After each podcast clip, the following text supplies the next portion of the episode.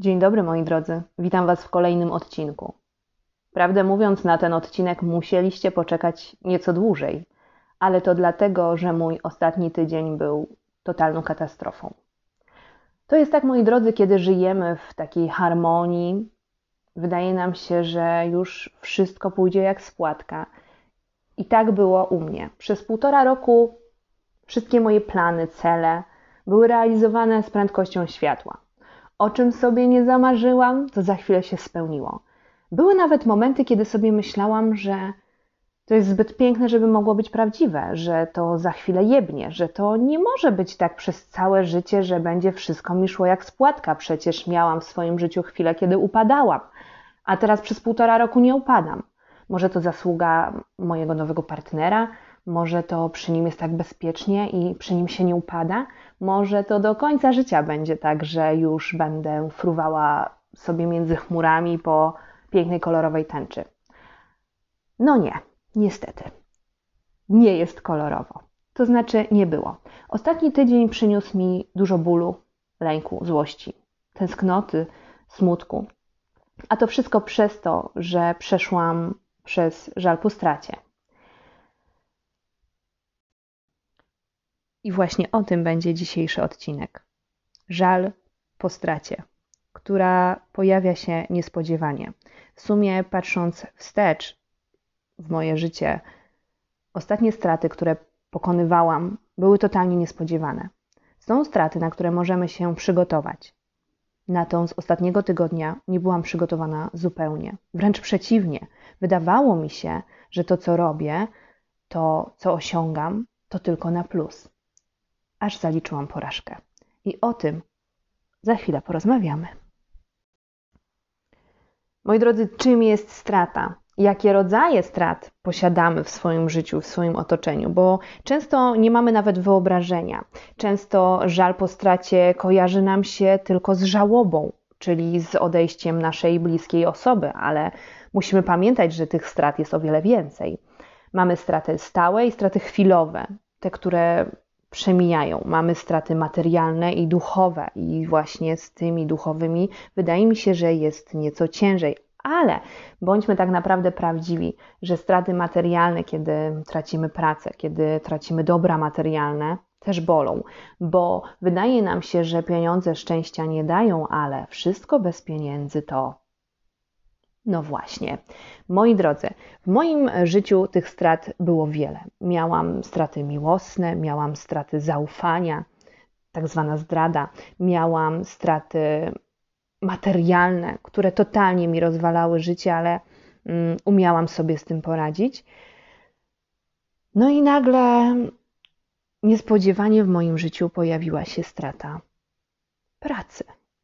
Tak, moi drodzy, pracy. Ostatni odcinek był o niezależności, o tym, jak opowiadałam Wam o tym, że mam bardzo dobre wyniki w pracy. Jestem na 11 pozycji wśród handlowców. Weszłam w rok 2021 z wysoko podniesioną głową. Słuchajcie, no pewniak, wielkie rozwinięte skrzydła, frunę. Aż nagle 13 stycznia otrzymałam jeden arkusz papieru do podpisania. To jest strata, na którą nie jesteśmy totalnie gotowi. To jest strata, którą można porównać do śmierci, to jest strata, którą możemy porównać do zawodu miłosnego, który nigdy do nas nie wraca. To było bardzo trudne. To było bardzo ciężkie, bo ja, młoda kobieta, która brnie przez e, swoją ścieżkę kariery w naprawdę fajnych warunkach. I przykładam do tego masę swojego serca, nagle dowiaduję się, że jest osobą bezrobotną. Osobą bezrobotną, wychowującą dziecko, no to totalna masakra, ale mm, mimo tego, że towarzyszyły mi bardzo różne reakcje na tą, na tą sytuację, oczywiście był gniew, była irytacja to było coś, co zawsze powtarzam, i to jest totalny mój błąd oskarżanie siebie. Ja zawsze oskarżam siebie, ja szukam dziury w całym. I mimo tego, że moje wyniki były plusowe, mimo tego, że moje wyniki były naprawdę bardzo dobre. Były wzrosty w skali roku o 40%. To w przypadku mojej branży było naprawdę bardzo dobrze.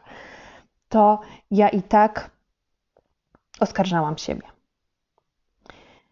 Po tygodniu, trochę to śmiesznie brzmi, kiedy ja mówię, że po tygodniu, kiedy się otrząsnęłam, to tak jakby nie zrobiło na mnie wrażenia ale zrobiło, moi drodzy. Tylko, że ja już jestem troszeczkę bardziej zahartowana. Ja trochę lepiej sobie już, wydaje mi się, z tym radzę niż e, przeciętny Kowalski. Nie chcę zabrzmieć nieskromnie, ale tak jest. To mimo tego wszystkiego ponownie towarzyszyły mi takie dolegliwości somatyczne, czyli brak apetytu, brak snu. To, to cały czas jest.